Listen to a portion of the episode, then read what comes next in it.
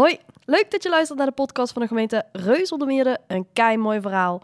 Ik ben Demi van Huigenvoort en ik neem jullie mee op mijn zoektocht naar het verhaal achter de kei. Het is de huiskamer van de gemeente Reuzeldermeerde. De thuisbasis van prachtige verenigingen. Waar kunst, cultuur en gezelligheid samenkomen. Ik heb het natuurlijk over de kei. Maar de komende tijd moeten we het even zonder onze mooie kei doen. Terwijl er hier tegenover het gemeentehuis wordt gewerkt aan een nieuwe kei, ga ik in gesprek met vrijwilligers, gebruikers, verenigingen en wethouders. Want die kei, die heeft een kei mooi verhaal.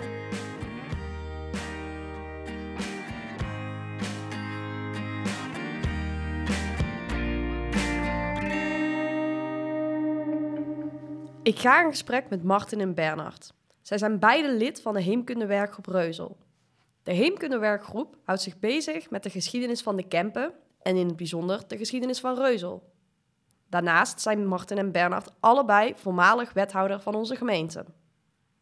Ik ben benieuwd naar wat deze mannen mij kunnen vertellen over de geschiedenis van de kei. Heren, fijn dat jullie er zijn. Martin, jij bent al acht jaar lid van de Heemkundewerkgroep. Wat kun je me allemaal vertellen over de kei? Ja, het is voor uh, heemkundige altijd van belang om te verklaren en te onderzoeken waarom is er iets zoals het staat. In dit geval, wat heeft ertoe geleid dat we tot die kei gekomen zijn en welke invloeden van buitenaf hebben daar een belangrijke invloed op gehad. Vandaar dat ik toch even voor mezelf nagegaan ben naar het bestuderen van de stukken welke voorgeschiedenis aan de kei is voorafgegaan. En ik wil daar een hele korte samenvatting van die geschiedenis van geven. Hoe was eind jaren 50 van de vorige eeuw de situatie rondom huisvesting voor verenigingen en mogelijkheden tot ontmoetingen van individuele mensen op sociaal en cultureel gebied in Reuzel? Op de plaats waar nu de bevoorrading van de winkels aan de markt, staat, eh, markt is, stond het patronaat, patronaatsgebouw waar al allerlei verenigingen hun activiteiten konden ontplooien met de geestelijke, de kerk, als belangrijke bestuurder. Daarnaast hadden we, vooral voor culturele activiteiten, de zaal van de fraters, als onderdeel van het fratersklooster. En tenslotte werd de kantine van de Kareleenfabriek bij tijd en wijle gebruikt voor wat grotere culturele samenkomsten. En tenslotte kenden we enkele zalen bij cafés voor bruiloften, partijen, zoals de Palmboom, tegenwoordig Lagaar. Een redelijk versplinterd landschap dus, voor een gemeenschap van in die tijd ongeveer 5000 mensen. Zoals Martin aangeeft, was er in die tijd dus niet één gemeenschapshuis waar verschillende verenigingen en verschillende groepen mensen samenkwamen. Nee, het was een versplinterd landschap. Bruiloften en partijen werden in cafés gevierd en de kerkelijke hadden een patronaatsgebouw. Tegelijkertijd bood de kerk te weinig ruimte om alle parochianen goed te kunnen ontvangen. Bij de zondagsdiensten zaten de kinderen bijvoorbeeld tot aan de communiebank.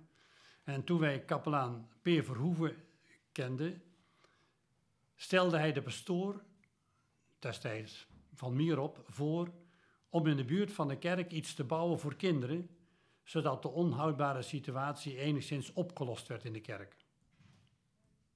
Ten slotte moest er wat gedaan worden aan het fratersklooster dat in de oorlog zoveel schade geleden had en slechts eh, provisorisch hersteld was.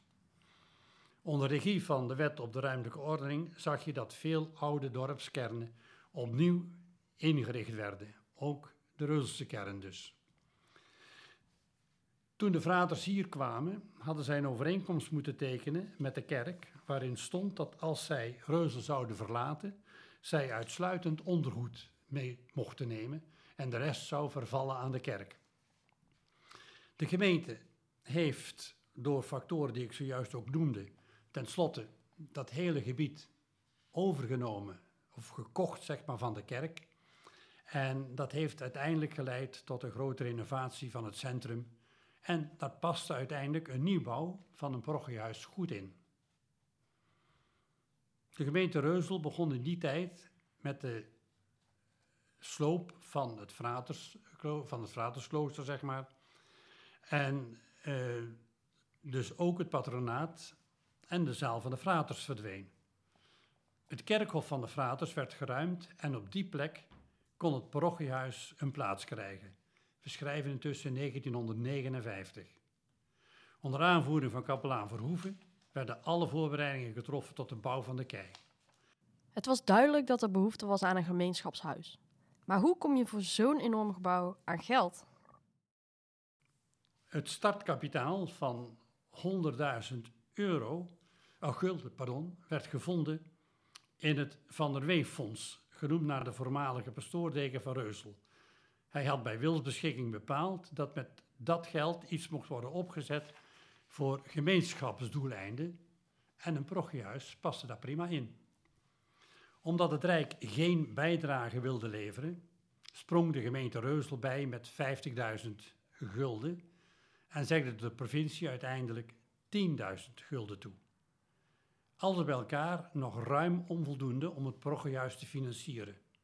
De rest van het geld moest door de gemeenschap Reusel worden opgebracht. Gelukkig was die bereid om door inzet van materiaal en giften haar medewerking te verlenen. En dus kon de bouw beginnen. Boeren en burgers verzorgden met koffie en worstenbrood als beloning het uitgraven en het vullen van de bouwput. Maar bouwen kost geld, veel geld. Dus bleven acties onontbeerlijk.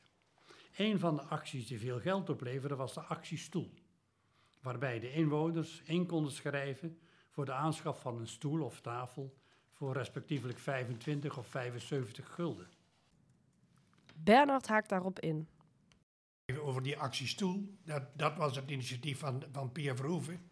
En die had bij de kerk in de vitrine een stoel staan. En daarbij stond er een thermometer. En die thermometer die gaf het bedrag aan elke week hoe hoog het was, uh, hoe hoog het bedrag was. 30.000 gulden leverde dat op. Maar dat was nog niet voldoende, want men wilde het gebouw zonder lening financieren. Ja. Dus het geld moest er gewoon moest er zijn.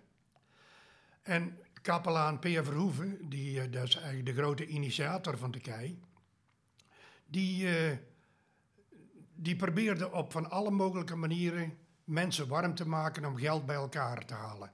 Want die gemeenschap Reuzel die moest minimaal 40.000 gulden ophoesten, want anders kon de kei niet gebouwd worden.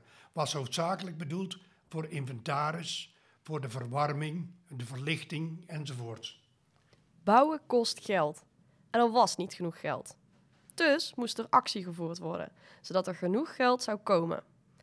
Een van de acties was de actie Stoel, waar je Martin en Bernard net over hoorden praten. Maar deze actie alleen was nog niet voldoende. Een ander bekend initiatief om het geld voor de bouw bij elkaar te sprokkelen was de actie van NV Word je Neel. Bernard vertelt hier meer over. Die uh, kinderen die gingen rond de deur en die gingen oude ijzer ophalen en uh, alles bij elkaar scharrelden ze op die manier 2200 gulden bij elkaar in de vakantie. Maar ja, bedrag dat was natuurlijk nog lang niet voldoende. En op dat moment want dan uh, is de vakantie voorbij, uh, of bijna voorbij. Dan besluit Walter van Gompel, die woont aan de Miertseweg. In de volksmond noemden we hem Wotje van Gompel. En uh, die had een, er was een sigarenmaker. En die werkte op, elke dag op een sigarenfabriek om in het onderhoud voor zijn grote gezin te kunnen voldoen. En die had een klein wagentje, zo'n sjeeske. En uh, dat kon hij bespannen met een kleine pony. En die ging dus alle deuren af om oude ijzer en lompen op te halen. Daar werd langzamerhand werd er een begrip in Reuzel. Hij bleef niet alleen, want hij kreeg drie maten. Uh, Neel Maas, daarom wordt de N, ze noemen het dan de NV Wotje, dat was Wotje van Gompel, en Neel Maas, Wotje Neel. Later komt er zijn broer bij, uh, Piet, Wouter Piet. En dan wordt de naam, die wordt NV Watjeneel en Wouter Piet. Nog later komt er Driek Panjoel bij, Panjoele Driek, en dan zijn ze dus met z'n vieren. Nou, het enthousiasme van die mensen, dat kende gewoon geen grenzen. op alle mogelijke manieren eh, probeerden ze oude ijzer bij elkaar te halen. Ze, om een voorbeeld te noemen, bij de eh, brandtoren. eh, de brandtoren die stond dus, waar nu dus eh, bij de grote cirkel. Daar stond een oude brandtoren, een stalen brandtoren, maar die was slooprijp. En zij braken in een paar dagen tijd het hele geval af. En het uh, hele hoop oude ijzer en allemaal naar het goede doel. Oude dorsmachines, maaimachines, eh, de oude verwarming uit de kerk, een penemkabel die uit de grond gehaald werd, eh, oude stoomwals. Nou, ze sloopten wat ze maar slopen konden. En het leverde steeds meer geld op.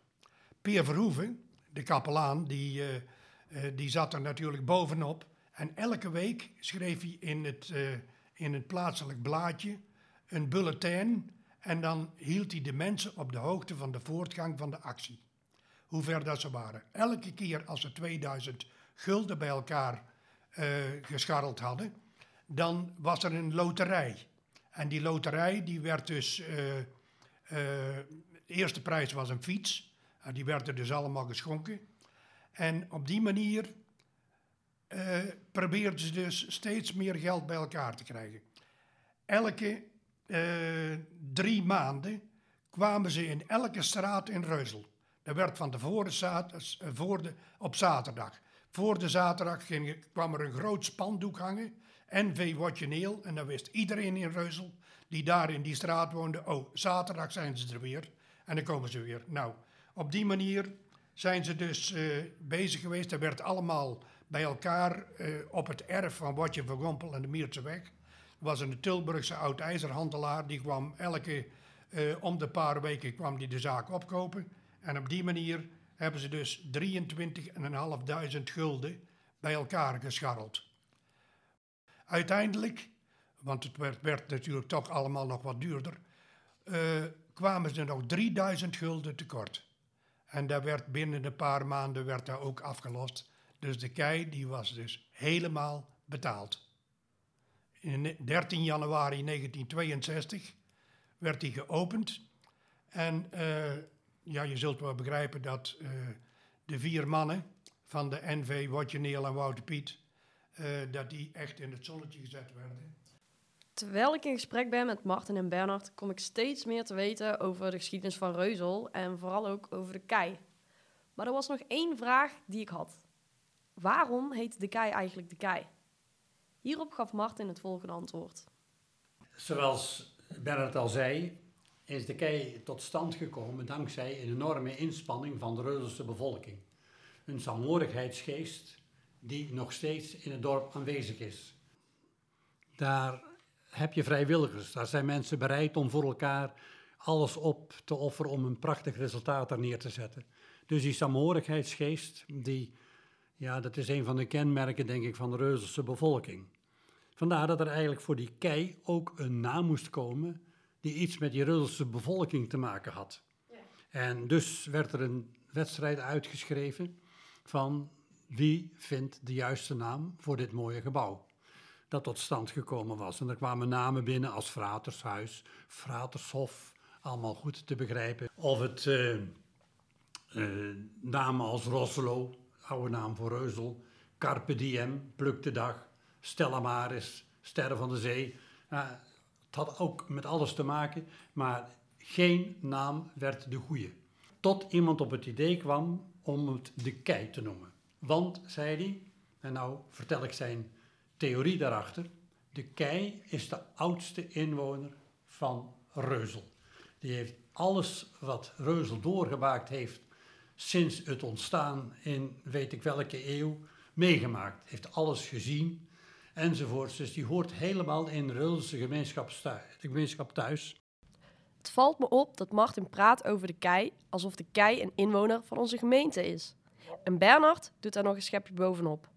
Hij vertelt dat er gedichten zijn geschreven vanuit het perspectief van de kei. Het gaat in die gedichten over wat die Reuzelse kei dan precies zou hebben gehoord en gezien. Hij leest voor. Nee, echt, ik zal geen namen noemen. Half reuzel op mijn rug gezeten. Jongens en meisjes en ze gaven kussen, want ik als kei waar ik als kei wel pap van zou lussen.